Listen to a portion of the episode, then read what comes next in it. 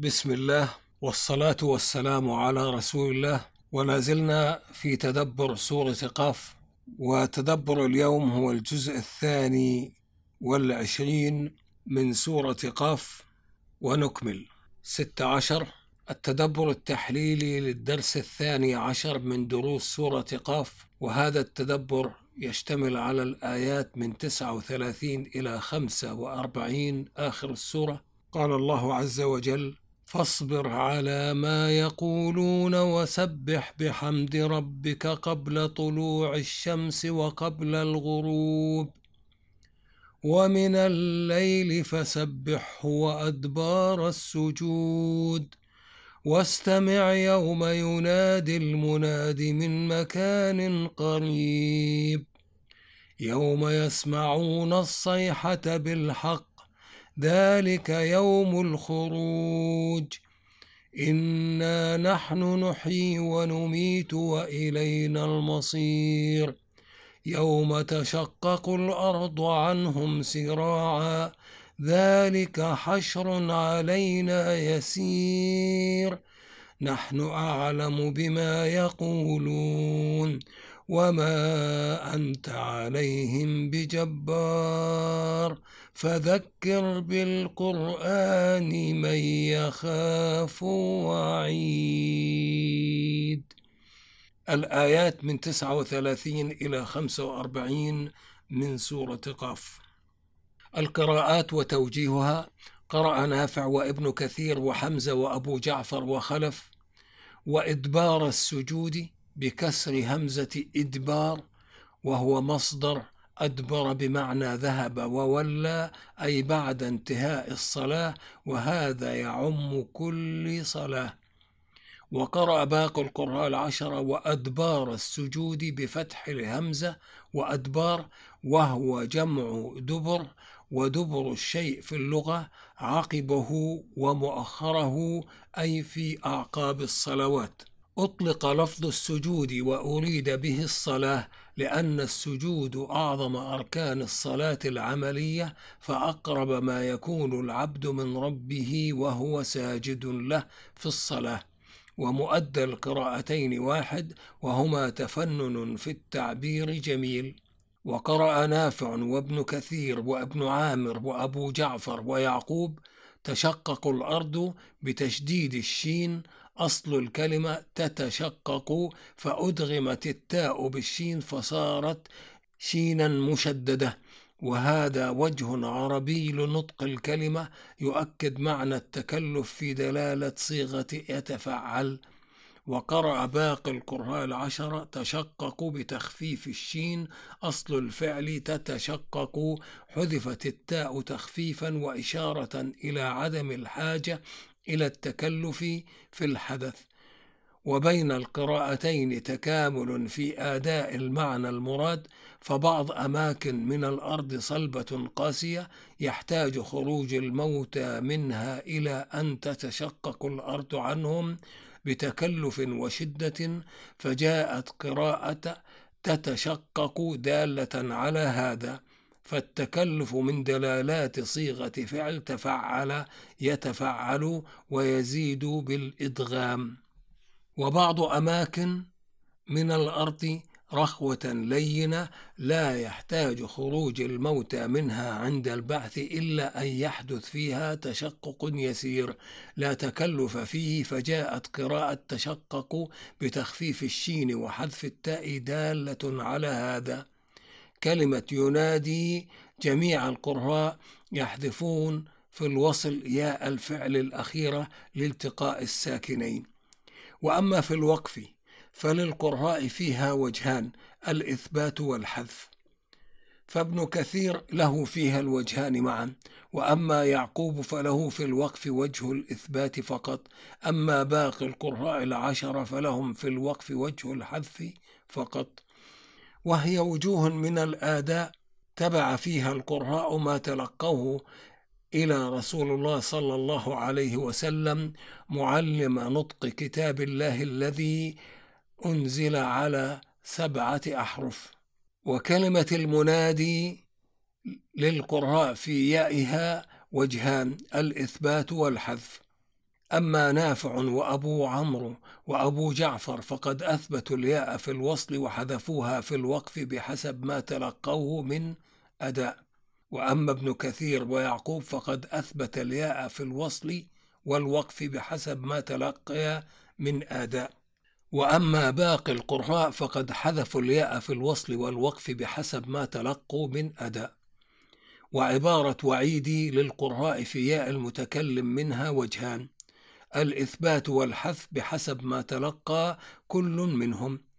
فقراءة ورش على إثبات الياء في الوصل وحذفها في الوقف وقراءة يعقوب على إثبات الياء في حالتي الوصل والوقف وقراءة باقي القراء العشرة على حذف الياء مطلقا وصلا ووقفا. التدبر. هذا هو الدرس الأخير من دروس سورة قاف وهو يشتمل على معالجة حالة الرسول صلى الله عليه وسلم النفسية والقلبية في المقصد الأول تجاه ما يلقاه من قومه الذين كذبوه في نبوته ورسالته وكذبوا ببلاغاته عن ربه. ويشتمل في المقصد الثاني على تربية حملة رسالة الرسول صلى الله عليه وسلم من أمته ويشتمل في المقصد الثالث على متابعة معالجة مكذب الرسول والمكذبين بيوم الدين مع الإعراض عن مواجهتهم بالخطاب الظاهر الخطاب موجه للرسول صلى الله عليه وسلم. قول الله تعالى فاصبر على ما يقولون في هذه الجملة تربية من الله عز وجل لرسوله محمد صلى الله عليه وسلم بأن يصبر على مقالات المكذبين له من قومه التي يتهمونه فيها بالكذب في ادعائه أنه نبي الله ورسوله وفي قوله إن القرآن الذي يتلوه عليهم هو من عند الله عز وجل أمره الله بأن يبلغه للناس وفي بياناته عن البعث ويوم الدين. وفي هذا انظر المقولة الثالثة من الفصل الأول من الباب الثاني من كتاب فقه الدعوة إلى الله للمؤلف. والمقصود بالمؤلف هنا عبد الرحمن حسن حبنك الميداني. وهي مقولة حول النصوص القرآنية الموجهة للرسول التي يأمره الله فيها بالصبر ففيها بيان شامل لكل النصوص الموزعة في السور بحسب نجوم التنزيل. ففي الصبر تدريب للإرادة النفسية يكسبها قوة على تحمل المكاره ومواجهة الصعوبات ومقاومة هجمات المصارعين من المخالفين والأعداء وقدرة على عدم الاكتراث للمزعجات النفسية وعدم المبالاة بالمثيرات الوافدات من الخارج. إن الصبر يكتسب بالتصبر والحلم يكتسب بالتحلم والعلم يكتسب بالتعلم وكل ذلك على مقدار ما لدى الإنسان من قابلية فطرية للاكتساب. والناس متفاضلون فيما بينهم في قابليات اكتساب الفضائل والرسول محمد صلى الله عليه وسلم أكمل الناس خلقا وفطنة وعقلا وأكثرهم قابلية لاكتساب الفضائل. والاستزادة منها بحسب الفطرة الربانية التي فطره الله عليها والخطاب الموجه للرسول في هذا موجه تبعا لحملة رسالة الرسول من أمتي فهم مأمورون بالصبر كلما واجهوا ما يسوءهم من الذين يؤدون الرسالة التي يحملونها لهم. دعوة إلى الله أو نصحا أو إرشادا أو أمرا بالمعروف ونهيا عن المنكر.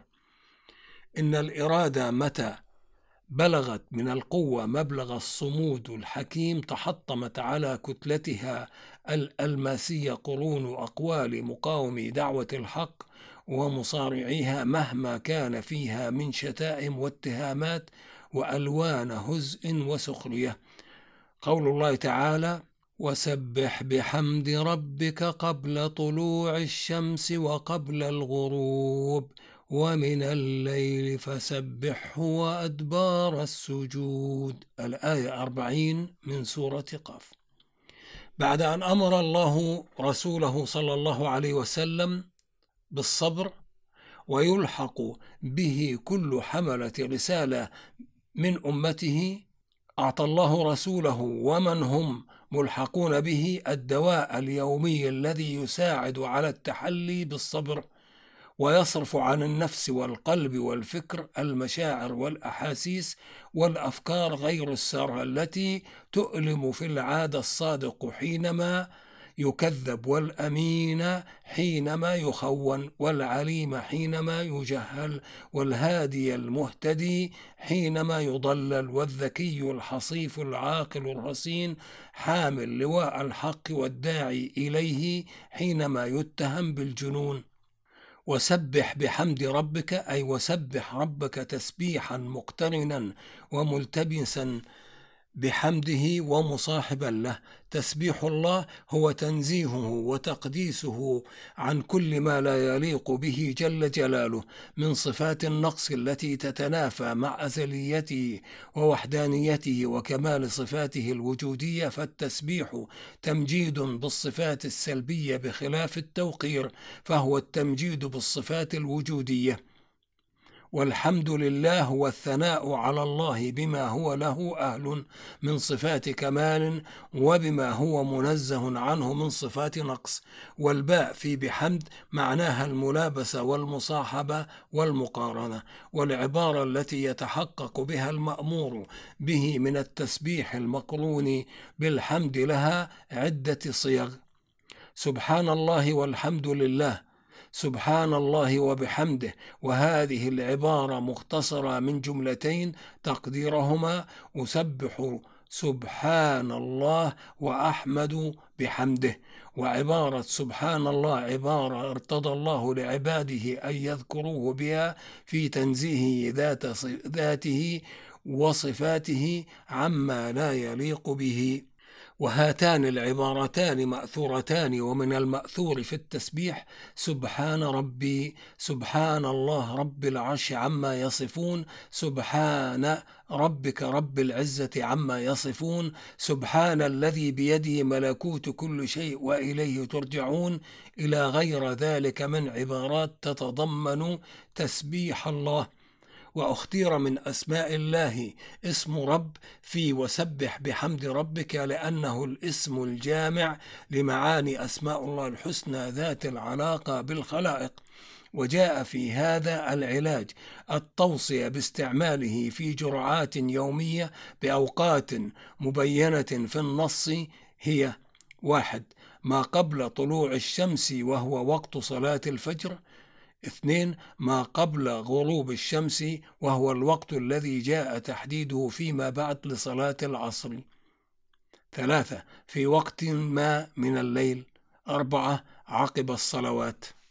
وقد أنزل الله هذا النص قبل فرض الصلوات الخمس فالمراد بعبارة وأدبار السجود بعد الصلوات التي كان يصليها الرسول صلى الله عليه وسلم قبل فرض الصلوات الخمس الذي كان في ليلة الإسراء وكان يصليها مثله من آمن به ودخل في الإسلام. وعلاج النفس بالتسبيح والذكر لله عز وجل علاج عظيم بالنسبة إلى المؤمنين فهو مهدئ وغذاء للجملة العصبية. ينبعث من عمق الفؤاد وصارف للفكر عن الاشتغال بما يقلق ويحزن ويؤلم. إن الله عز وجل يمد الذاكرين له المسبحين بحمده بمدد من لدنه ويريحهم ويسعدهم ولا سيما إذا كانت العوارض المؤلمة عوارض نفسية. قول الله تعالى واستمع يوم ينادي المناد من مكان قريب يوم يسمعون الصيحة بالحق. ذلك يوم الخروج. الآيتان 41 و 42 من سورة قاف. ظاهر الخطاب في واستمع موجه للرسول صلى الله عليه وسلم والمطلوب أن يسمعه بيان رباني يدل على لقطات لم يأت بيانها فيما سبق من أحداث بعث الخلائق إلى يوم الدين للحساب وفصل القضاء وتنفيذ الجزاء. ويبدو أن المقصود ضمنا بالخطاب بصيغة الأمر واستمع هو منكر البعث وهو خطاب موجه لكل منكر على التناوب بأسلوب الخطاب الإفرادي. ولكن أعرض الله عن مواجهته بالخطاب المباشر لعناده ووجه الخطاب للرسول بقوة. وهذا أسلوب من أساليب علاج المكذبين الذين يتهمون الرسول بأنه يقول كلاما غير معقول ويخبر بأنباء غير ممكنة الحصول فجاء توجيه الخطاب الرباني له مباشرة. بصورة تشعر المكذبين بأن الله يريد تثبيت رسوله على الإيمان بيوم الدين مهما واجه من كبراء قومه من تكذيب فعليه ألا يعبأ باتهاماتهم وشتائمهم له. أي إن محمدا بريء من صناعة النبأ بل نبأ يوم البعث للحساب وفصل القضاء وتنفيذ الجزاء. يملى عليه تنزيلا من عند الله بارئه وهذا الخطاب الرباني يوجه له بقوة وشدة فهو المخاطب به أولا ويجب عليه أن يؤمن به قبل سائر المكلفين أن يؤمنوا به ثم هو مكلف أن يدعو الناس إلى الإيمان به. وهذا أسلوب علاجي للإقناع بصدق الرسول صلى الله عليه وسلم أكثر نفاذا إلى عمق أفئدة مكذبيه وإن أصروا على موقفهم عنادا ومكابرة. والمعنى الذي يومئ إليه هذا الأسلوب يمكن التعبير عنه بما يلي. استمعوا أيها المكذبون هذا رسولنا نخاطبه بهذا الخطاب الجازم الحازم بشأن بعض أحداث يوم الدين تثبيتا له. بعد أن اتهمتموه وشتمتموه. يضاف إلى هذا أن من أساليب خطاب الأمة خطاب قائدها أو إمامها أو رسولها. فخطاب الله لرسوله في أمر من أمور الدين العامة التي لا خصوصية للرسول به هو خطاب لكل أمة دعوته من من استجاب ومن لم يستجب.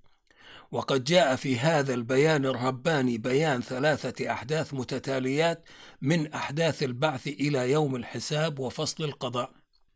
الحدث الأول نداء صادر يصدر من مكان قريب يناديه مناد بأمر الله لبعث الموتى إلى الحياة الأخرى وهذا النداء يصل إلى كل مبعوث فهل هو نفخ الصور النفخة الثانية أو هو نداء يحدث بعدها؟ الله أعلم إذ ليس لدينا بيان عن الرسول صلى الله عليه وسلم في هذا والنص يحتمل الأمرين دل عليه يوم ينادي المناد من مكان قريب الحدث الثاني سماع كل المبعوثين صيحة النداء بالحق وهو الخروج من الأجداث والتوجه لمحكمة العدل الربانية دل عليه قول الله تعالى يوم يسمعون الصيحة بالحق وبهذا السماع يحيون كما يستيقظ النائم من نومه. الحدث الثالث استجابة المبعوثين للمطلوب منهم في النداء إذ يخرجون من أجداثهم أو يخرجون. من أجداثهم ويتوجهون لما أمروا به بأن يتوجهوا له. دل عليه ذلك يوم الخروج بعد رحلة البرزخ بين الموت والبعث. فالمعنى يوم النداء ويوم سماع الصيحة هو يوم الخروج لملاقاة ظروف الحياة الأخرى. وبهذه المناسبة جاء البيان التالي. قول الله تعالى إنا نحن نحيي ونميت وإلينا المصير. الآية 43 من سورة قاف. في هذه الآية تذكير مع تأكيد مشدد مقرون باستعمال ضمير المتكلم العظيم خمس مرات بعنصرين من عناصر القاعدة الإيمانية. العنصر الأول أن المحيي والمميت هو الله وحده بعظمة ربوبيته لا شريك له فمن أحيا أولا ثم أمات فلا عجب أن يعيد من أماته إلى حياة أخرى ليلاقي حسابه وجزاؤه على ما قدم في الحياة الأولى التي كانت رحلة امتحانه. العنصر الثاني أن المصير بعد رحلة الابتلاء في الحياة الدنيا إلى الرب الخالق الذي خلق الناس ليبلوهم أيهم أحسن عملا. هنا يرد سؤال فلسفي عقلي وهو ما معنى كون المصير إلى الله عز وجل والكائنات جميعها خاضعة لسلطان ربوبيته دواما في كل مراحل وجودها ألسنا نحن الآن خاضعين لسلطان ربوبيته؟ ألسنا في رحلة البرزخ خاضعين لسلطان ربوبيته؟ وكذلك نحن يوم الحساب وفصل القضاء خاضعون لسلطان ربوبيته جل جلاله وعظم سلطانه. اذا فما معنى المصير إليه والمخلوق في كل مراحل وجوده حيا وميتا خاضع لسلطان ربوبيته دواما؟ أقول لدى المتأمل بتدبر أو لدى التأمل بتدبر عميق نلاحظ أن الممتحنين المكلفين في الحياة الدنيا قد أعطاهم الله جل جلاله حرية الإرادة التي يختارون بها ما يشاءون من طريق الخير أو مسالك الشر وسخر لهم في ذواتهم وفي الكون من حولهم الأشياء والقوى التي ينفذون بها مراداتهم ما لم تتعارض مع قضاء الله وقدره العام فهم يشعرون بأن مصائر مطالب نفوسهم بأيديهم. لكنهم يوم الحساب وفصل القضاء لا تكون لهم حرية اختيار إذ كل ما يجري في ذلك اليوم خاضع بالجبر لسلطان ربوبية الرب جل جلاله وعظم سلطانه وهذا مصير إليه وحده بعد رحلة التخيير والتسخير. وقد كان الممتحن في هذه الرحلة يختار لنفسه على ما يشاء إذ جعل الله له ذلك دون أن يتدخل بالجبر فيما منحه من التخيير.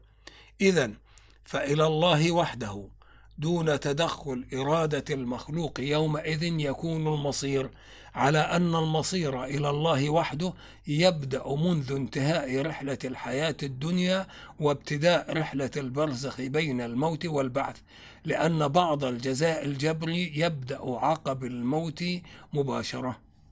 قول الله تعالى يوم تشقق الأرض عنهم سراعا ذلك حشر علينا يسير الآية 44 من سورة قاف في هذه الآية إضافة في هذه الآية إضافة بيان ثلاثة أحداث أخرى من أحداث البعث إلى يوم الحساب وفصل القضاء. الحدث الأول تشقق الأرض عن الذين كانوا موتى لينبتوا منها كما ينبت الزرع في الأرض دل على هذا الحدث قول الله تعالى يوم تشقق الأرض عنهم وسبق توجيه قراءتي تشقق وتشقق. الحدث الثاني خروجهم من الأرض سراعا دون إبطاء في الزمن. وهو يدل على أن إنباتهم في الأرض لبعثهم لا يحتاج زمنا طويلا لتتكامل أجسادهم فيه. بل هي تتكامل بسرعة دل على هذا الحدث سراعا أي خارجين من الأرض سراعا. سراعا جمع سريع وجمع سريعة يقال لغة سرع يسرع سراعة وسرعة وسرعا أي عجل فهو سريع وهي سريعة والجمع لهما سراع. وجاء اللفظ في النص منصوبا لأنه حال من الضمير في عنهم وقد يدل هذا الحدث على أن خلق أجسادهم يتكامل قبل أن تعود الأرواح إليها. والله أعلم. ثم تعود الأرواح إلى أجسادها.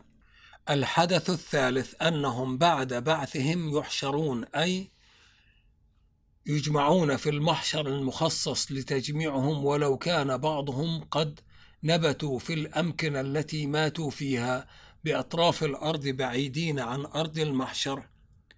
وحشرهم يكون في مكان جامع بحسب أصنافهم وزمرهم.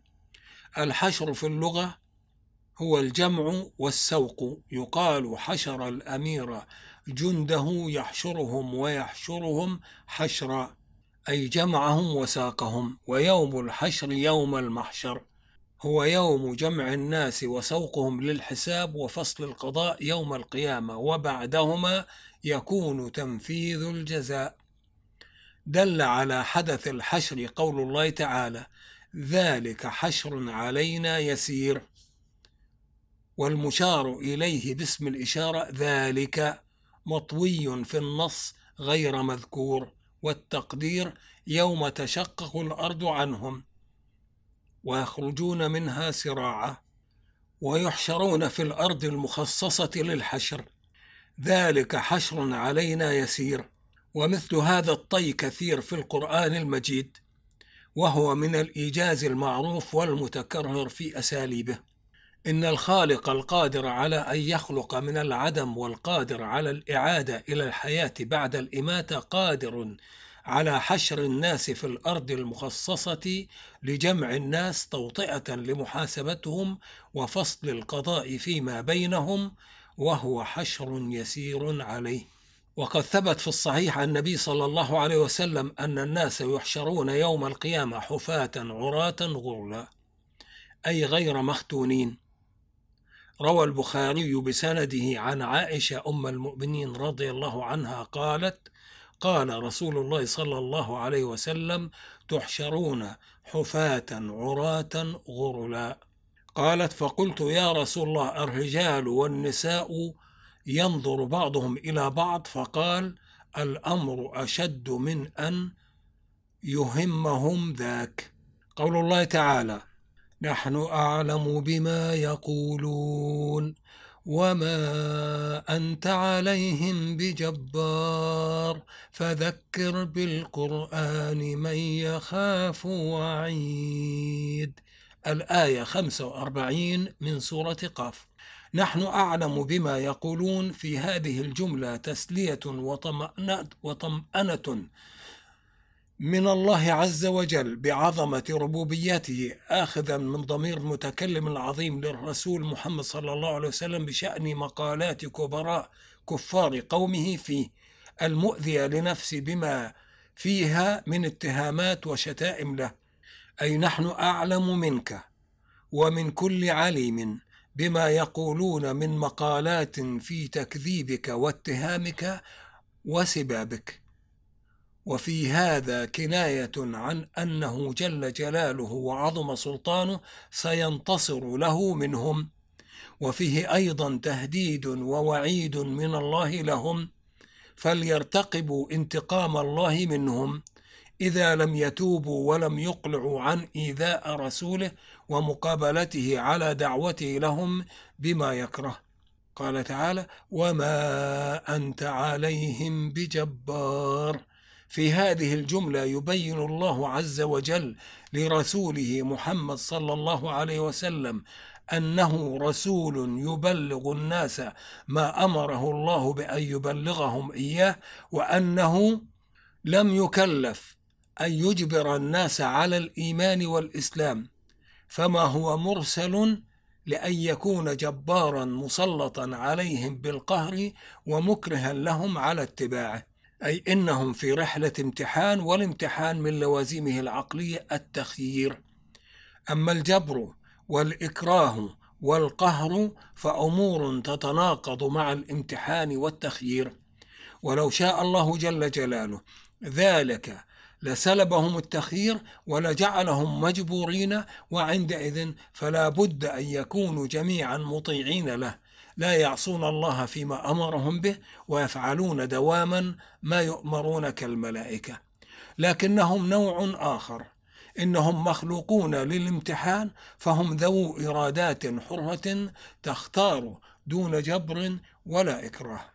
قال تعالى فذكر بالقرآن من يخاف وعيد أي وبما أنك لست عليهم بجبار مكره لهم على الإيمان والإسلام وقد سبق أن بلغتهم ما أمرك الله بأن تبلغهم إياه وهو ما أنزلناه عليك في نجوم التنزيل السابقة لسورة قاف فإن وظيفتك بالنسبة إلى هؤلاء المكذبين المعاندين هي التذكير بما سبق أن بلغتهم إياه وهذا التذكير توجهه فقط لمن لم يبلغوا إلى حالة ميؤوس منها أما الذين بلغوا إلى حالة ميؤوس منها فلا تضع وقتك وجهدك بتذكيرهم.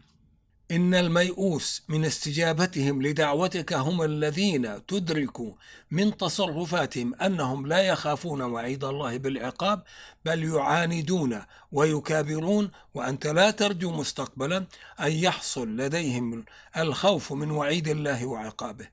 هذا ما يدل عليه فعل المضارع يخاف أي تشعر بأنه يخاف الآن أو ترجو أو تطمع بأن يخاف مستقبلا لأمارات خير تلاحظها فيه. وبهذا انتهى تدبر السورة على ما فتح الله به. وبهذا نستودعكم الله الذي لا تضيع ودائعه والسلام عليكم ورحمة الله وبركاته.